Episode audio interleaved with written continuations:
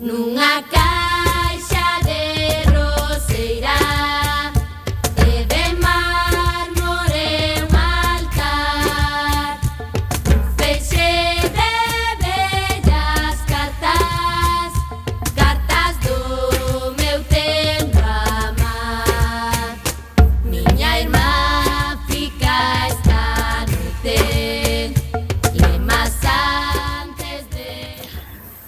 Ola, que tal, recendeiras e recendeiros? Benvidas e benvidos a este espazo radiofónico semanal dedicado á cultura, que facemos en rigoroso directo, como sabedes, todos os martes ás 7 da tarde aquí en Coac FM no 103.4, a Radio Comunitaria da Coruña.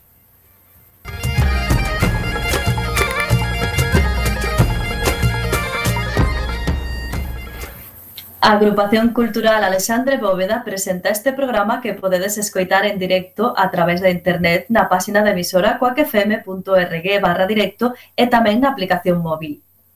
E se non chegastes a tempo, non tedes excusa, compañeiras. Podedes descargar todos os programas xa emitidos en Radioco, o megapodcast da nosa emisora, ou tamén podedes escoitalo na redifusión, que será os mércores ás 8 da mañán, os venres ás 16 horas e na madrugada do domingo ao luns ás 12 da noite. E a partir de agora seguídenos nas redes sociais tanto deste programa recendo como da propia agrupación cultural Alexandre Bóveda, que teñen abertas as súas canles en Instagram, Twitter e Facebook ou na web www.acalexandrebóveda.gal. Comer.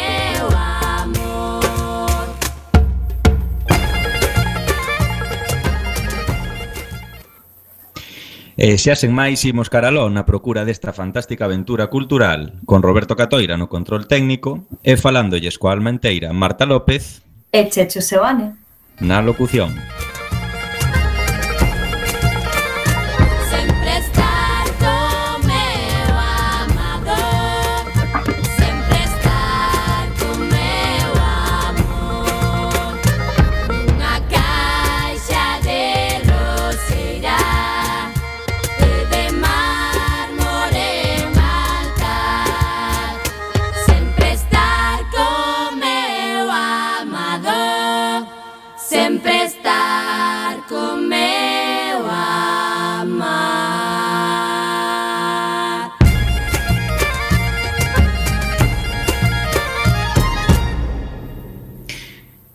E comezamos esta vez co programa número 357. Hoxe estará connosco Cándido Pazó, actor e director teatral e célebre contacontos. E falaremos das actividades da nosa agrupación, como sempre, e das outras cousas que se fan na Coruña e na Galiza e que tamén son cultura. En canto á música de hoxe, Pondaliana é un libro disco que editaron a Mesa pola Normalización Lingüística e a Asociación Sociopedagóxica Galega. Contén 15 poemas musicados dun dos grandes escritores da literatura galega, Eduardo Pondal. O CD, ilustrado por Leandro Lamas, é froito da colaboración de máis dunha dúcia de músicos coordinados polo profesor Francisco Rodríguez e pola Sociedade Cultural Medulio, impulsora do proxecto. Presentamos a primeira peza de hoxe titulada O combate de Dumbría.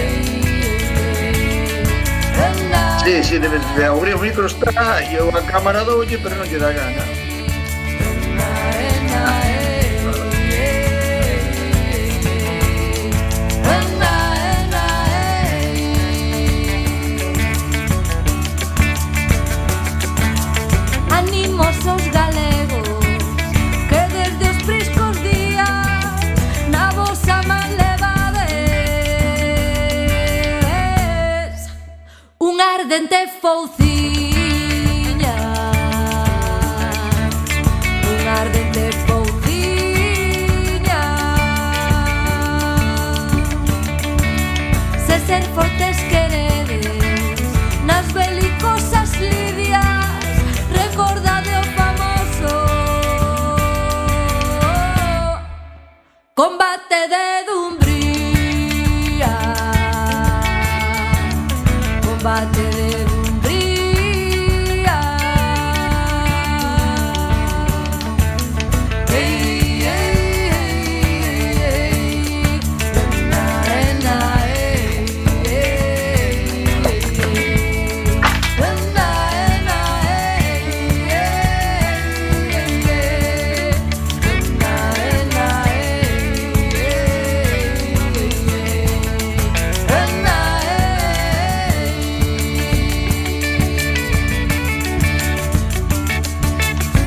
vosos nobres fillos relembra noite e día os feitos denodados da vosa xente antiga.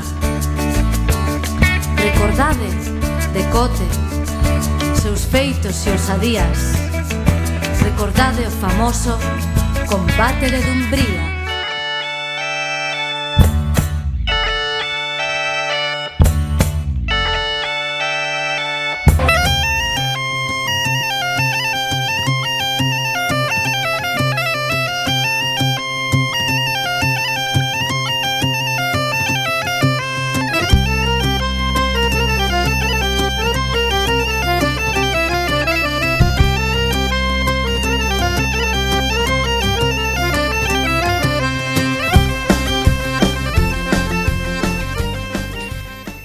Despois desta maravillosa peza, o combate de Dumbría, comenzamos coa axenda da Asociación Cultural Alexandre Bóveda. O xoves 19, coa serie Anguria, Pepe Galán inaugura no noso local unha pequena mostra con obras de carácter minimalista realizada no 2018, que será exposta por primeira vez na Coruña. As fotos da obra son de Xoán Piñón. Estará até o 30 de xaneiro e inaugúrase ás 19.30 horas. Xusto a continuación preséntase o libro Luz e dignidade, o monumento de Pepe Galán aos mortos do Portiño, a Coruña. Trátase dunha publicación que conxuga arte e historia nunha edición promovida pola Comisión para a Recuperación da Memoria Histórica da Coruña. Presentarán a publicación Pepe Barro, Pepe Galán, Xavier Seoane e Fernando Souto. As persoas asistentes serán agasalladas cun exemplar da publicación. Para asistir, compre inscribirse na nosa web. O Benres 20, Xurxo Souto presenta no noso local Pangalaica, publicado por Galaxia. Son 80 pequenos relatos ilustrados coas historias e as persoas maravillosas que Xurxo foi atopando nas súas viaxes por Galicia adiante. Na presentación participará, ademais de Xurxo, César Morán. Será ás 19 horas. Para poder asistir, compre inscribirse nun formulario da web.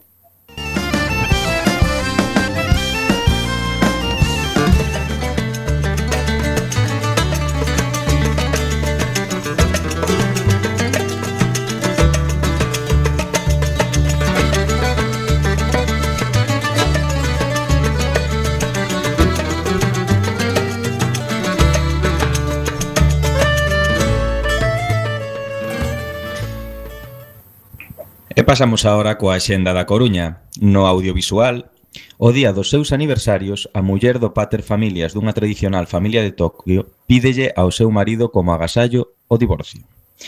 Esta revelación non só chocará ao seu incrédulo marido, senón a toda a familia, que intentará por todos os medios evitar a catástrofe familiar.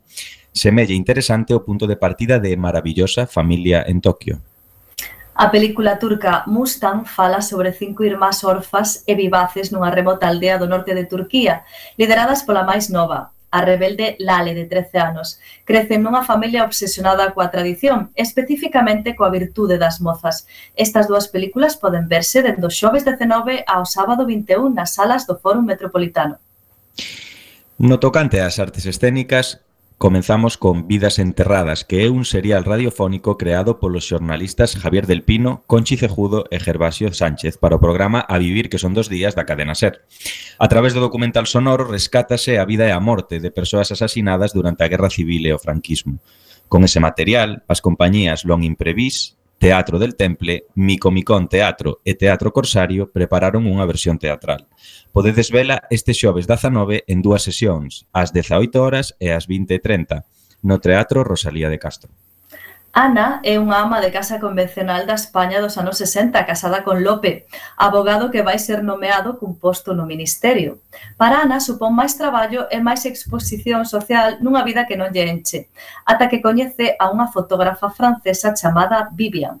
A obra Ana, a nos tamén nos levantará o esquecemento, representase o vendres 20 e o sábado 21 ás 20.30 horas no Teatro Rosalía de Castro. Planeta K propón aos nenos e nenas un momento privilexiado para o descubrimento da súa contorna. Texturas diversas, chans irregulares, covas, espazos secretos, pendentes para escalar ou por onde deixarse caer, efectos sonoros e visuais que se activan coa súa presenza. Será o domingo 22 no Ágora, con sesións ás 11, ás 12 e ás 13 horas. Imos o eido musical.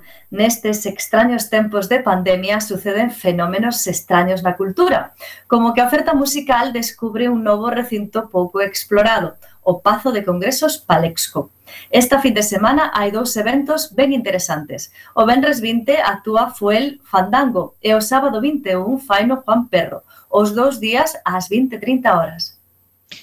E no ámbito das exposicións, no que falta de mes aínda pode verse Cumios da cidade, unha exposición que é un paseo pola historia da Coruña, elevando a vista aos ceos e viaxando polas siluetas dos seus edificios. Unha serie de fotografías divididas en dúas épocas, a modernista e a actual. Estará na Casa Museo María Pita ata o domingo 29.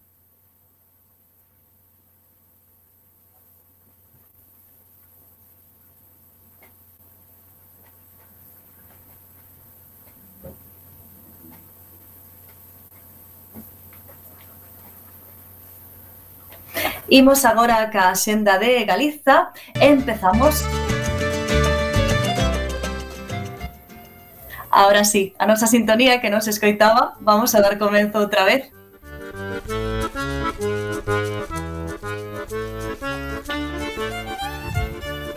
Pois imos a xenda de Galiza e empezamos por Ferrol froito de 20 anos como mestre de ceremonias rap, García sorprende liderando un espectáculo innovador, unha banda composta por catro instrumentistas e un DJ onde se combinan os ritmos do mundo e da diversidade do hip hop e coa palabra como centro. Actúan este sábado 21 ás 22 horas na sala Ruido.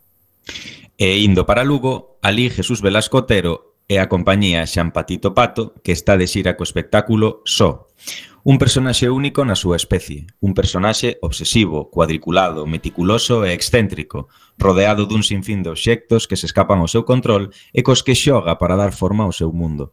En definitiva, un espectáculo de novo circo dirixido ao público infantil. Actúa os xoves 19 ás 18.30 horas no Editorio Municipal Gustavo Freire e pegamos un chimpo a Ourense, Berlín 1933. Esta é a historia de tres amigos, a parella de recén casados Martín e Elsa e Leo, un actor de teatro de ascendencia xudía. Os tres comparten a vida alegre dos anos 30, o cinema dos estudios UFA, o teatro e os cabarets berlineses, pero todo iso verase truncado pola ascensión do nazismo ao poder. A obra Shakespeare en Berlín e será representada aos xoves 19 ás 20.30 horas no Teatro Principal. E indo máis cara ao mar, a Vigo, desde Galicia prodúcese un dos regresos máis esperados dos últimos anos, o mestre da guitarra Alberto Cereijo e o seu compañeiro nos Suaves, o batería Tito, Tino Mouteira, perdón. Volven contar co baixista Diego Castro, incorporando como novidade ao cantante galego Pedro Regueira. Este novo proxecto chamase Neo e o seu primeiro traballo discográfico titulouse Neo, Obxecto Próximo á Terra. Actúan os xoves 19 ás 22 horas na fábrica de chocolate. E imos a Pontevedra. A noite é o segundo filme da chamada triloxía da incomunicación do director italiano Michelangelo Antonioni, coa que gañaba o Oso de Ouro no Festival de Berlín. O Cineclube Pontevedra proxecta esta fita hoxe martes 17 ás 20 horas no Teatro Principal. E na nosa capital de Galiza, Santiago, Sobre composicións orixinais súas articúlase o trío máis jaseiro do incombustible contrabaixista compostelán Xacobe Martínez Antelo, acompañado por Xosé Miguélez ao saxo tenor e Max Gómez á batería. Tamén actúan en clubes como a Casa das Crechas, onde estarán este xoves 19 ás 21 horas. E hoxe, como vila convidada, imos a Betanzos, Contraproduccións é unha compañía galega conducida polo noso convidado de hoxe, Cándido Pazó, e por Belén Pichel. Aproveitamos esta xenda para anunciar unha representación do seu repertorio, Fillos do Sol. É unha elucubración teatral sobre a figura de Eduardo Pondal e a súa obsesión coa obra que ocupou toda a súa vida como escritor, Os Eoas. Podedes vela este sábado 21 ás 20 horas na Aula Municipal da Cultura.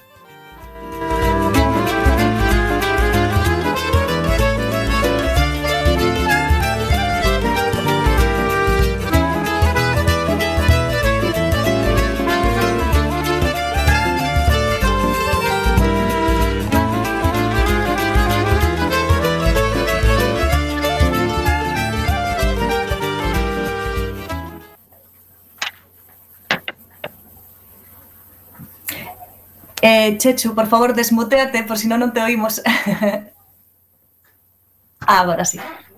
Perdón, cousas que pasan. Eh, imos xa con noso convidado Cándido Pazó.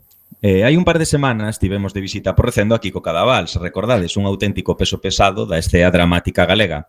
Oxe, o teatro volta ao noso programa da man doutra gran figura do teatro galego. Estamos a falar, como dixemos antes, de Cándido Pazó, Actor, director, autor, monologuista e fundador de compañías, como podedes ver, o noso convidado ten feito de todo no mundo do teatro. A súa carreira botou a andar polos anos 70, formando parte de diferentes compañías, incluída o Centro Dramático Galego. Ata que a finais dos anos 80 debuta como autor e como director. A obra en cuestión sería O Merlo Blanco, levada a estea pola compañía Tranvía Teatro, unha compañía fundada polo propio Cándido. Ao Merlo Branco seguíronlle un bo feixe de textos e direccións tanto para a súa compañía o Centro Dramático Galego, Talía Teatro ou Ollomol Tranvía, compañía nada da fusión de Tranvía Teatro e Ollomol. Como autor, Cándido Pazó acadou numerosos premios, entre eles os premios María Casares e Max de Teatro. E tamén ten adaptado textos de autores como Suso de Toro, Terry Jones, Gil Vicente ou Marco Antonio de la Parra.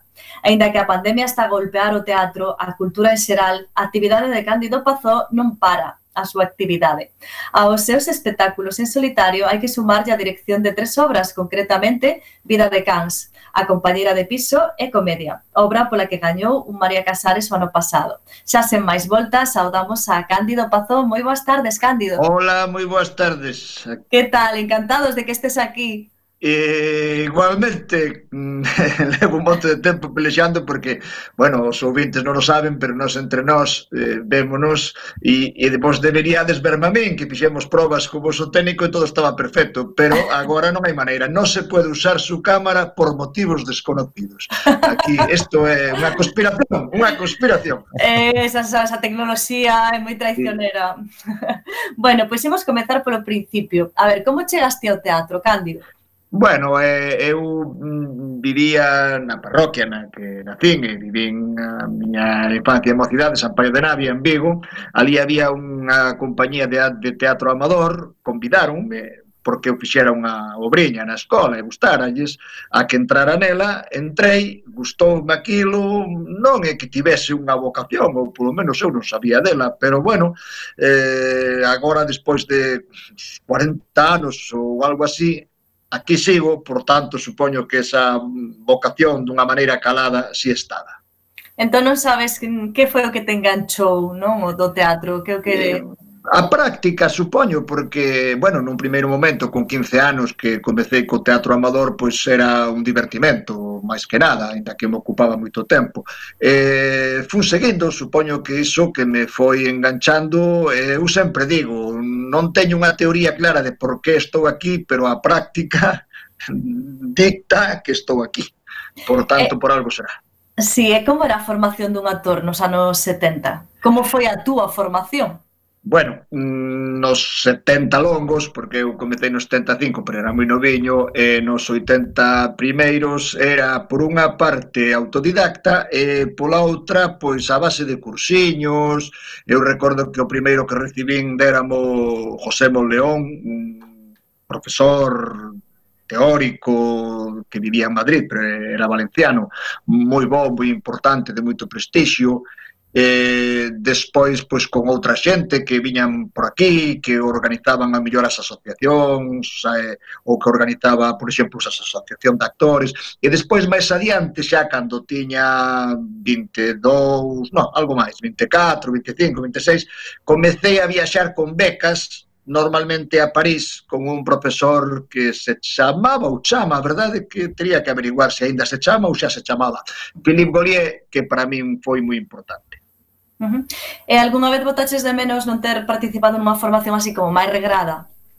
Eh, teóricamente sí, en efeito eu fui unha das persoas que traballou no seu momento na confección da Escola de Arte Dramática de Vigo eh, nunha comisión que se montara para ese, para ese fin na, no Consello da Cultura. Por tanto, creo que a formación regrada é importante. O que pasa que, bueno, a min xa non me tocou e para que lamentarme. Desde logo. Eh, moi ben, Cándido. Eh, dixeches antes que a vocación encontrouche a ti, en lugar de ti a vocación, non? Eh, pasou o mesmo co paso de actor a autoría e a dirección? Bueno, que en realidad aí non hai un paso, máis ben mm, son derivadas, quero dicir, estás aí, sempre fun unha persoa que me encantou contar lerias, anécdotas, historias, eh, alguén ten que escribir nunha compañía de teatro ou buscar pezas en un momento dado, pois daste o paso. É unha cosa bastante natural, non sei como non sei como dicilo, pero como mm, montar nun burro e depois montar nun cabalo, isto non vale moito como exemplo, a verdade que non me acaba de sair nada bo, pero que para min son fan parte do, do mesmo camiño, son ni siquiera desviacións, son que o camiño é ancho e podes ir por un lado ou por outro.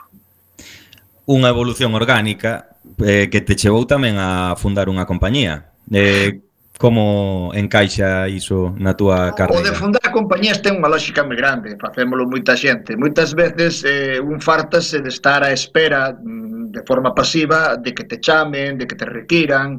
Entón, ti sabes que unha das maneiras de superar iso é que ti mesmo deas un paso á frente, que ti montes unha compañía. Entón buscas colegas, no meu caso normalmente Abelino González, pero tamén outros, e dis que veña, para diante, montámonos algo, eh, convertémonos en emprendedores culturais, e eh, facémolo.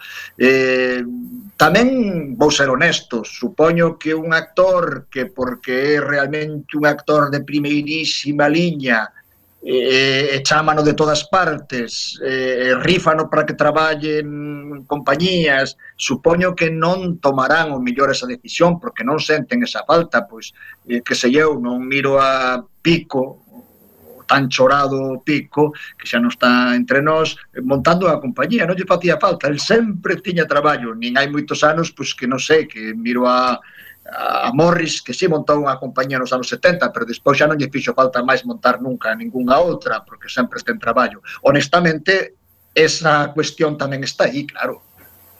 A liberdade tamén eh, buscada e, e, e tamén un pouco cando te, te empuxa a situación, non como estás contando. Que lle dirías a alguén, algún actor, algún eh, traballador do, do ámbito teatral que hoxe quixera formar unha compañía? Que consellos lle darías? Cales son os teus mm, recordos? Bueno, eu primeiramente digolle que se lance, que se anime, que non teña medo, eh, que non ten demasiado que perder. Se a compañía non funciona, pois bueno, cerrase e xa está.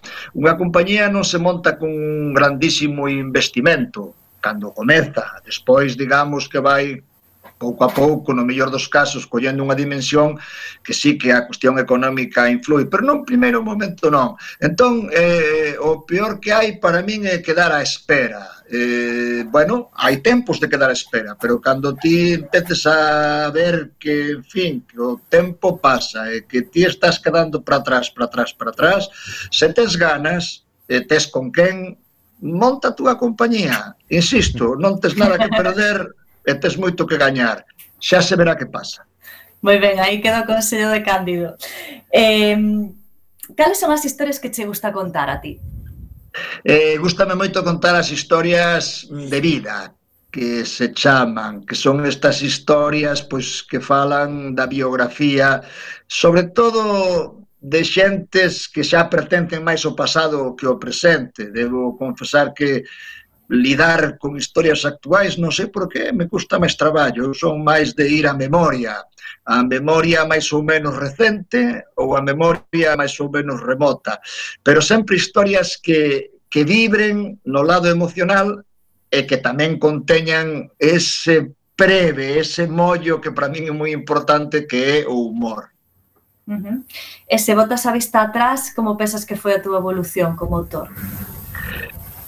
Como autor mm, fue descubriendo, creo, que mecanismos son necesarios para manter o espectador interesado no que lle estás a contar, a contar eh, como narrador oral, a contar como autor, a contar como actor, hai moitas maneiras de contar. O, o espectador ten que sempre estar interesado nisto que ti lle contas, se o teu receptor, por moi interesante que che pareza a ti iso que ti estás eh, tratando de transmitir se do outro lado non está ese mesmo interese tes que preguntarte que está a ocorrer eu sei a teoría de todo isto mm, e trato de aplicala. O que sucede é que despois, cando te pos a escribir ou a actuar ou a dirixir, entre a teoría e a práctica, evidentemente sempre hai un treito e ás veces isto que digo así dunha maneira aparentemente tan fácil Pois non o é, non é tan fácil, pero estou moi atento á recepción, moi atento. Uh -huh. Ben, entonces, unha vez que está listo o texto, toca representalo. Como director, que tes que ter en conta para, para non para poñelo en este a dunha maneira, bueno, para non botalo a perder? Eh, eh, eu teño experiencias moi distintas. Por unha parte, eu dirixo moitas veces a partir de textos propios. Entón, isto fai que, cando eu estou escribindo, xa estou pondo os alicerces do que vai ser a posta en escena. Xa o contemplo, xa meto didascalias moi, moi prácticas, xa todo está previsto. Inda que despois o mellor iso tan previsto esas hipóteses das que practiches non funcionen como ti crees. Despois, cando estou montando ese espectáculo, sigo reescribindo. Para min, escribir e dirixir fan parte en grande medida do mesmo labor. Despois está outro lado, cando monto espectáculos que non son textos meus e aí basicamente leo con atención analítica a ese texto, miro que persoal humano teño, que actores, que actrices, que condicións de tipo económico, técnico, de distribución teño coa compañía coa que estou a traballar, e tendo en conta todas esas circunstancias, trato de optimizar o traballo, Eh, sabendo que teño un tempo limitado, antes eran oito semanas, agora últimamente son máis ben seis, eh, sabendo que vou ter un público que non coñezo, pero podo intuir, entón teño que moverme nese contexto, e sendo sempre moi humilde, escoitando moito os actores, os técnicos, eh, sabendo que por moito que ti sexa o director, o traballo teatral sempre é un traballo colectivo. E houbo algunha ocasión na que te arrepentiras por como deseñaches a posta na escena? Sí, claro, evidentemente, e algunhas veces poden incluso rectificar, e outras moitas feito quedou, te tirouse para diante como estaba. E algunha outra mesmamente non chegamos nin a bo porto nin a mal porto, simplemente non chegamos a porto ningún e houve que interromper o proceso. Pasoume un par de veces, bueno, non, unha escribindo, ainda non empezáramos a montar, en outra, en moitos anos, falo dos anos 93, creo que foi, pois efectivamente un proceso que, bueno, que houve que abortar porque non, non acabábamos de, de topar o camiño certo. Esas cousas pasan e deixan un mal sabor, unha frustración que despois hai que administrar. Moi ben, eh, Cándido, Antes dixeches unha cousa que personalmente interésame moito. Ás veces dice que hai autores eh, literarios, non, pero tamén teatrais que miran hacia si sí mesmos, eh, autores que miran pola ventá. Eu creo que polo que dis ti estás un pouco no medio, non, entre a memoria, entre o humor, as historias da xente, eh, con todo o que acabas de dicir sobre a posta en escea, o teatro lido, o teatro representado, que é para ti a posta, unha, unha boa posta en escena, a posta en escea? Como pensas o teatro? Dixeches antes que hai autores que miran pola ventá. Eu direiche máis ben que eu boto medio corpo para fora da ventá.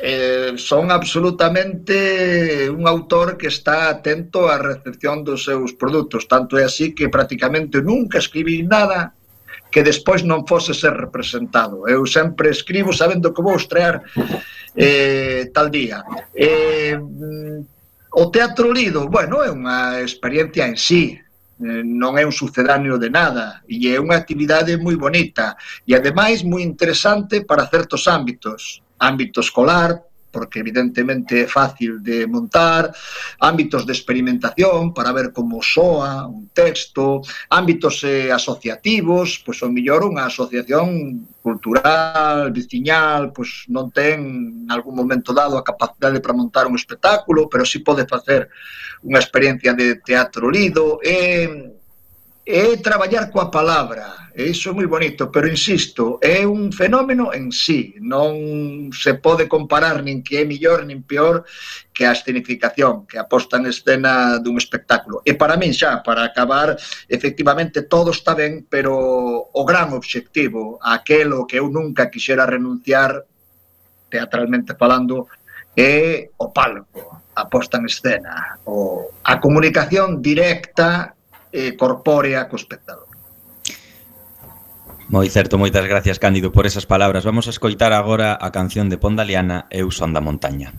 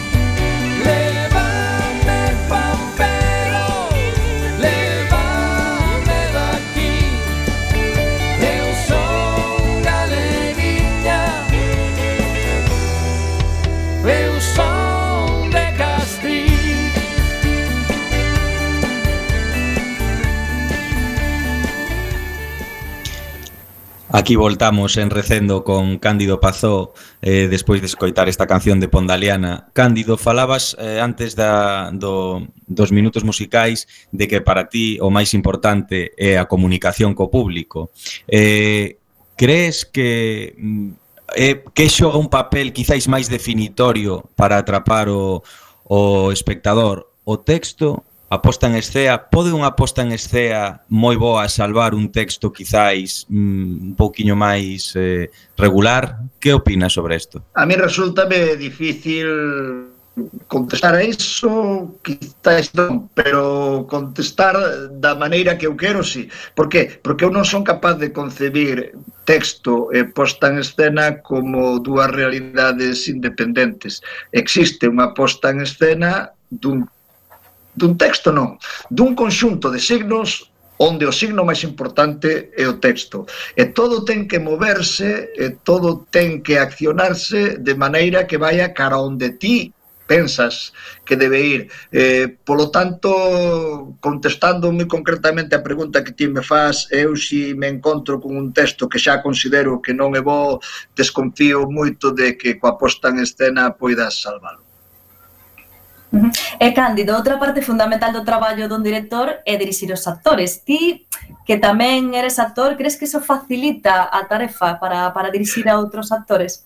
En principio, sí, porque sabes mm, dos seus sentimentos, dos seus medos, eh, das súas inseguridades, sabes cales son as dificultades que hai nun primeiro momento cando estás pelexando coa parte técnica da memoria, que, que, en fin, que está aí e que hai que darlle o seu prazo para poder pedir outras cousas, eh, sabes que ti podes estar querendo facer algo, pero o teu corpo ten bloqueos, se non o fai, ti experimentáchelo co teu propio corpo e entón entendes a ese actor que tes diante e sabes darlle un tempo, sabes darlle unha tranquilidade, sabes darlle un prazo no que confiar nel, en fin, unha serie de elementos que se cadra, pois un director que nunca actuou pode intuir, non o sei, ou pode descubrir ao longo do tempo, pero un director que xa actuou experimentou en carne propia e eu creo que iso ten que dar dache muitísimas vantaxes. Uh -huh. E non tes eh, desexos de asasinalos algunhas veces ou... En xeral, non, non, porque eu teño desafecto os actores, claro que sí. Admiro moitísimas veces que fan cousas que eu non sería capaz, eu faría outras, evidentemente, pero esas non. E eu, en xeral, na miña carreira sempre casi sempre, eh, encontrei maneiras de me entender suficientemente ben con eles. Ás veces non podes conseguir o que ti pensabas, porque tamén moitas veces o que ti pensabas non era o apropiado para pedirlle a esa persoa, porque iso tamén é moi importante. Se me permites un símil, é como se lle pides a un porteiro en fútbol, pois que sexa un magnífico dianteiro. Entón ti és un treinador, un adestrador que está un pouco cego, que non observaches previamente que aquel señor era un porteiro, non era un dianteiro. Ás veces pasa iso, que podes pedirle a un actor algo que non lle deberías pedir ou que non lle sabes pedir, pero mm, con un diálogo activo non digo que se consiga todo, pero polo menos os procesos son bons, tranquilos, e eu desde logo raramente tiven procesos tormentosos. Algúns sí, pero moi poucos. Uh -huh. Eh, como disfrutas máis, como director ou como ou como actor? Bueno, eh, hai moito tempo que non actúo por orden doutra xente, por tanto non podo opinar moito, os últimos espectáculos nos que teño actuado son autodirixidos. Eh, por tanto xa están confeccionados á miña medida. Eh, disfruto moitísimo en riba do escenario porque eu disfruto moito coa comunicación co público, por iso tamén conto historias, son narrador. Eh, despois, eh, se si me teñen que dirixir outros directores ou ser eu o director doutros os actores, pois, sei, voume mollar. Eh, disfruto máis sendo eu o director de outros actores que sendo eu un actor dirixido por outros directores. Pero, bueno, é por inseguridade, é por medo, eh? Un contador de historias, eh, Cándido, acabas de dicir, non? Como se abre un pouco, voltando así a túa traxectoria, como se abre camiño esa, esa, esa vertente que tes, non? De, de xograr, de contador de historias no medio do teatro. Si me preguntas por como naceu, como decidín dar ese paso, direiche que ten que ver co anterior invitado teatral que tivestes aí, o amigo Ajá. Kiko. Eh, Kiko nos últimos anos 90, supoño que a partir do 95, así andaba xa contando historias, a mí aquilo fascinábame. E el, que me coñecía, que somos moi amigos, somos da mesma xeración, sempre me dicía, pero ti podías facelo, que ti sempre estás contando cousas que che pasaron, que lle pasaron a amigos teus, ou a parentes teus, ou historias que inventas, ti podías facer isto que eu fago, non, non, non teño esa... Sí, sí, e un día xa realmente me empurrou, dixome, mira, tal día vou facer unha cousa na sala galán e entón vouche dar aí un tempiño curto para que tampouco sexa moi así comprometido para ti, efectivamente, saín ali na galán, na galán primeiro e despois na sala NASA. Contar uns contos mm, funcionou ben, eu sentime realmente cómodo e a partir dai tirei, tirei para diante. Eh, na preparación, unha, unha, unha noticia que, que, que nos alegra escoitar, non? Que, que foi eh, o último invitado, Kiko Cadaval, non? Tan sí. coñecido na cultura galega, o que che meteu esa, esa semente, non? E tamén eh, as preparacións, mm, penso nas preparacións, non? Como é que, que diferencia hai entre preparar pois este tipo de historias e preparar o, o, algo como, como actor? A diferencia é moi grande. Eh, como actor, un Mm, aprende un texto, aprende unhas accións e trata de, despois de naturalizar ese texto e naturalizar esas accións. Eh, para contar historias ti non aprendes de memoria ese texto. Eh, o que si sabes de memoria é a estructura, as ideas, e despois, mm, de alguna maneira, tratas de que iso sexa espontáneo. Eu, eu utilizo moito un unha expresión que lle sentín unha vez a un conteiro colombiano que era como que, a ver, deixademe lembrar, que o esqueleto mm, ese é o de sempre, pero a carne que lle pos cada vez, esa carne é nova. Incluso moitas veces, cando contaches un conto, moitas veces chega un momento que tamén sabes de memoria esa carne, sí, sí. Pero de todas as maneiras, un conto sempre é unha conversa. E o que che podo asegurar é que, polo menos eu, eh, se cadra hai conteiros que si sí o fan, pero eu mm. eh, non son capaz a escribir un texto, a aprendelo de memoria, despois, non, non, eu teño que tomar anotacións.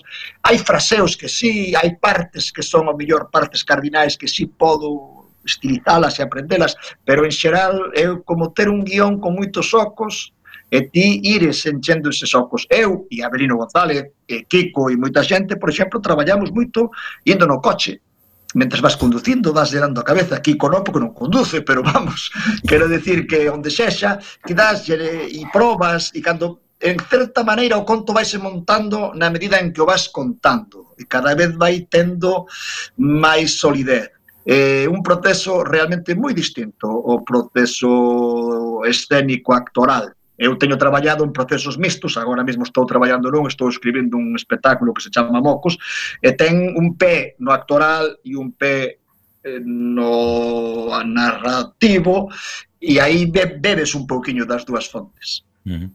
Mais, quizáis máis risco, non? Eh, eres capaz de percibir eh, como contador de historias cando o público está enganchado cando non, cando vai a ser complicado porque é máis é máis difícil quizáis, non, que que estando nunha obra de teatro. Perfectamente, porque sempre digo aos meus alumnos, cando estiven que eu dei clase de, de contar historias na Escola de Arte Dramática do Porto, bueno, non se chama así, chamase Escola Superior de Música e Artes do Espectáculo, eh, sempre lles dicía que un conta de ouvido, un conta coas orellas, decía eu, queríalles decir, e un conta cos ollos, sempre lles decía, non coa boca. Queríalles decir que o máis importante é estar atento a que pasa entre o público, percibir todos os seus signos. Eh, porque o ser unha conversa, conversar non é que eu che diga a ti cousas e non estea atento a que caras pos, a que me dis, a que... De feito, ti non che pasa cando falas con alguén por teléfono que che resulta incómodo que a outra persoa quede en total silencio, non diga, ah, sí, oh, ah, e dis, estás aí, os contadores de historias pásanos constantemente iso, estás aí, pero atención, teño que decir unha cousa en beneficio dos actores, o seu tamén é tremendamente difícil, porque no meu entender eles tamén teñen que estar atentos a que está pasando no patio de butacas, cunha diferenza onde o seu realmente é máis difícil. Teñen menos armas, porque están máis suxeitos a unha partitura fixa. A nosa partitura é máis aberta. Vou contar unha anécdota, se me permites, pero facelo sí, rápido. Adiante, adiante. Eh, eu hai moitos anos traballei como guionista, mm, con varios, bueno, magos, sobre todo con Mago Antón. Entón, por medio do Mago Antón, coñecín o gran mago este, cha, cha, cha, sí. como é, Tamariz. Tamariz. Tamariz. Tamariz. Fun mirar un dos seus espectáculos e, bueno, todo era espontáneo, improvisado, era como unha conversa libre, viva, alucinante. Volvín o seguinte día e resulta que facía exactamente o mesmo. Calquera persoa diría que o admirei menos, porque o tiña todo escrito. Non, admireino inmensísimamente máis, porque repetindo todos os días o mesmo e seguindo o pé da letra un guión, lograba que cada día fose espontáneo e que cada día aquilo parecese algo que acababa de nacer, algo improvisado. Eso é unha maravilla e iso fano moitas veces os actores eh, ten moitísimo mérito. E eh, Cándido, cando tes un público que non é moi receptivo, como amañas a situación? nos sempre entre nós falamos moito dunha escena que hai de eh, hai Carmela cando Paulino, a personaxe masculina da Carmela, en vista de que o público está disperso e non atende, empeza a cagar peidos. pois, eh, bueno, porque hai que facer algo. Entón, pois, cada quen ten os seus peidos Quero dicir, a, aquilo que tes que facer para lograr reenganchar co público e depende moito do tipo de público que sexa, pois se é un instituto, se é terceira idade, por que está disperso o público? Moitas veces o público está disperso por circunstancias que nós non podemos controlar, pois porque está pasando algo, eh, porque o lugar non é axeitado, a hora non é axeitada, a forma na que se anunciou o espectáculo non, o era. E moitas veces sí que é porque un non está tocando as teclas eh, necesarias. Mm, bueno, normalmente un trata de utilizar pois iso, os peidos que tes reservados para eses casos, e cando se logra, pois poste moi contento, e cando non, dis, bueno, pois eh, esta vez, como no fútbol, as veces se gana, as veces se pierde. e cales son as cousas máis curiosas que che teñen pasado actuando en solitario? Alguna anécdota que nos podas contar? Oi, mira, que teño... Moitas. ah, mira, unha, me acaba de vir a cabeza. Se me fastidia moito cando me preguntades isto, non terei preparado unha anécdota. Esta é moi bonita. Estaba eu nun, nunha asociación de mulleres rurais na Baña, eh, concretamente na parroquia de Cibrán, a Baña sabedes que está despois de Negreira, no? entre Negreira e Santa Comba, creo. Bueno, eh, bueno pois pues había, que habría, 25 mulleres, era unha antiga escoliña destas unitarias, eh, había 25 mulleres ou algo así, había un home únicamente. Non, non, o home chegou máis tarde a buscar unha das mulleres. Eh, e entón, nun momento da, terminou de contar, pim pam pum, e unha muller moi bella, moi bella, e con un aspecto así de muller suprarrural de antes, berra, bueno, pois agora montanos a todas. eu quedé absolutamente abrallado, porque era unha muller da que nunca esperarías que, que, que saíse iso, que esa putada era como se si miña nai unha mulleriña de 90 e pico anos, realmente todo era unha absoluta brincadeira, dixese aquilo e descolocoume por completo. E como saíches desa situación? Eh, bueno, pois pues, facendo moi, moi, non sei, eu de boca moito, falado que paga falta, pero despois do outro, xa se sabe, perro ladrador pouco mordedor. bueno, e cando se trata de humor, ti crees que hai algo que sexa infalible, independentemente de cal sexa o país ou o povo? Ou a idea de humor universal non existe? No, en absoluto. É o menos universal que hai. Eh, as emocións si sí son universais. O humor non, porque depende sempre de contextos. Eu teño, se me permitides a vulgaridade, levado cada nabo por aí adiante. Eh, eu atuei en Brasil, atuei en África, e, e sei que en Portugal, sin ir máis longe, que está aí ao lado, e moitísimas cousas que aquí che funcionan ali non funcionan. O humor sempre depende do contexto temporal e do contexto espacial. Por tanto, é o que máis complicadamente viaxa. Uh -huh. Bueno, vamos a facer eh, esta segunda pausa musical na que escoitaremos a canción Ponteceso de Pondaliana. Música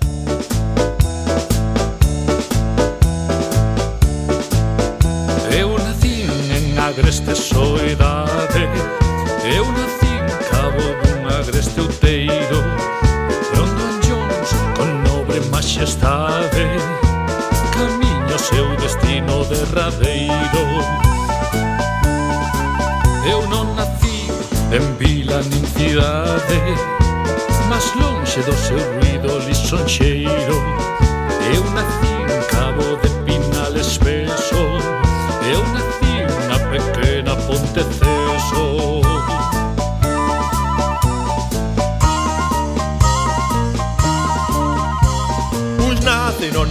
máxica Granada.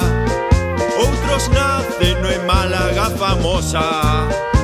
Os outros en Sevilla nomeada. Ou outros en Valencia deleitosa. Uns na Garrida Cádiz bensoada. En Barcelona os outros populosa. Eu nacín cabo de Pinal espeso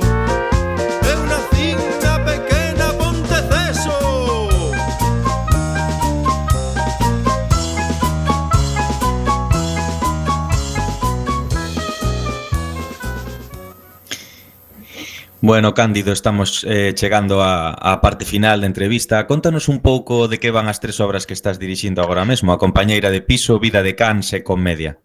Antes teño que decirvos que non coñecía esta cantar que puxestes, sorprendeme moitísimo, porque nunca esperaría que se pudese musicar un poema de Pondal, que un pensa en Pondal e pensa en algo grave, épico, de unha maneira tan divertida, darlle, mirades como o importante é ter unha óptica, unha mirada sobre as cousas, e de repente pues, acabades de mostrarme unha mirada que eu non supuña. Eh, as pezas, eh, bueno, eh, Vida de Cans é unha peza metafórica, unha alegoría, onde eu collo tres cans inspirados en tres cans que tiven, agora xa só me queda un, eh, que vivían, que estaban aquí no meu lugar e que eu tiña que facer que non saísen fora porque os podía atropelar un coche, porque mm, mataban galiñas e tiña problemas con meus veciños. É unha alegoría sobre a liberdade, sobre que o, o ser humano como animal que é, necesita sempre superar os límites que lle poñe, aínda que dentro deses límites estea de maravilla, porque os moscas tratamos moi ben dentro da finca. Entón é unha peza que fala de, de, deste tema tamén grave, eh, tan, tan inaprensible como é a liberdade, pero, bueno, dunha forma moi fresca, moi divertida, con estes tres actores de Talía, dos que realmente estou moi satisfeito. Foi un encargo, pero eu xa tiña idea na miña cabeza. E creo que me preguntaches tamén por compañera de piso, por Fillos do Sol, non sei por qué. Eh, comedia. Eh, comedia, bueno, comedia é un, é un espectáculo que eu xa montara hai 25 anos, casi cos mesmos actores, eh, que tiveron éxito imenso en toda España, en Francia, en Portugal, fixeranse moitísimas funcións, é un espectáculo de comedia del arte, ese xénero italiano, de máscaras, arlequino, colombina, a partir dun, dun guión, canovacho, técnicamente chamase, pero bueno, digamos un guión do comediógrafo veneciano Carlo Goldoni, eh, adaptado por min, eh, tamén incorporando materiais da tradición da comedia del arte, materiais de creación propia e moitos materiais das improvisacións e xogos libres que os actores ian facendo nos ensaios e durante as primeiras funcións. E remontámolo no 18, cando cumplíamos 18, 25 anos de montalo a primeira vez. Eh, bueno, por aí andamos con el, eh, agora non moito, porque as circunstancias non son para poder facer moitas funcións con un espectáculo de seis actores, pero aí está, é moi divertido, e os actores aínda tendo 25 anos máis siguen brincando, e, e parece mentira, pois Víctor Mosqueira fai un arlequino que realmente non deixa nunca de sorprenderme. Eh, a compañera de piso é unha peza dunha autora moi noviña, Eh, 30 e pico anos norteamericana que se chama Jane Silverman sobre dúas mulleres que se encontran nunha casa, unha é a dona e aluga un cuarto e como moitas veces un ten camiños na vida que se o sabe administrar eh, eses camiños de alguna maneira cumpren as túas expectativas, pero outras moitas veces escollemos camiños simplemente pois por imitar ou por eh, reaxir a, a certas circunstancias. Entón, encontramos a dúas mulleres moi distintas perdón, que nun momento dado teñen que convivir e iso crea unha serie de conflitos que se resolven dunha maneira moi divertida, pero divertidamente dramática, hai que decir. Cándido, estamos rematando xa, nos quedan eh, unhos segundiños simplemente eh, si, si estás, estás ben, podes falar. Sí, sí, sí, sí, sí.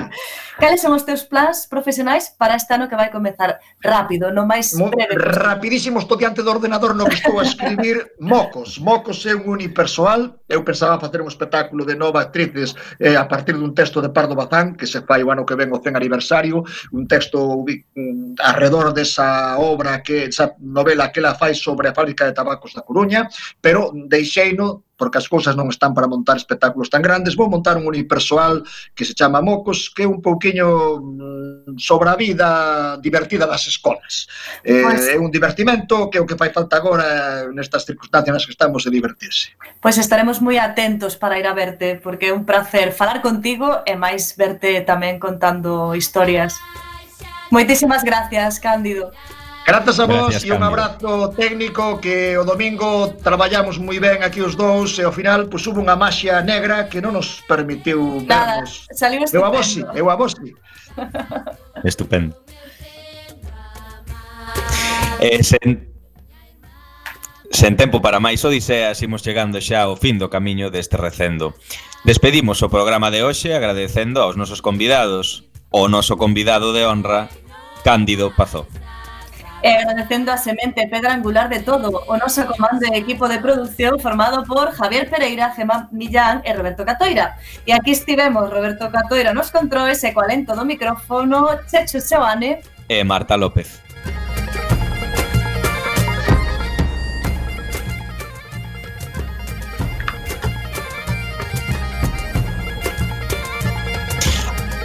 Acompañándote neste recendo de palabras e de imaxes radiofónicas que nos traen este aroma cantando na nosa lingua e o que nos permite hoxe tamén, tamén no futuro a permanencia da palabra, da música e da implicación e o compromiso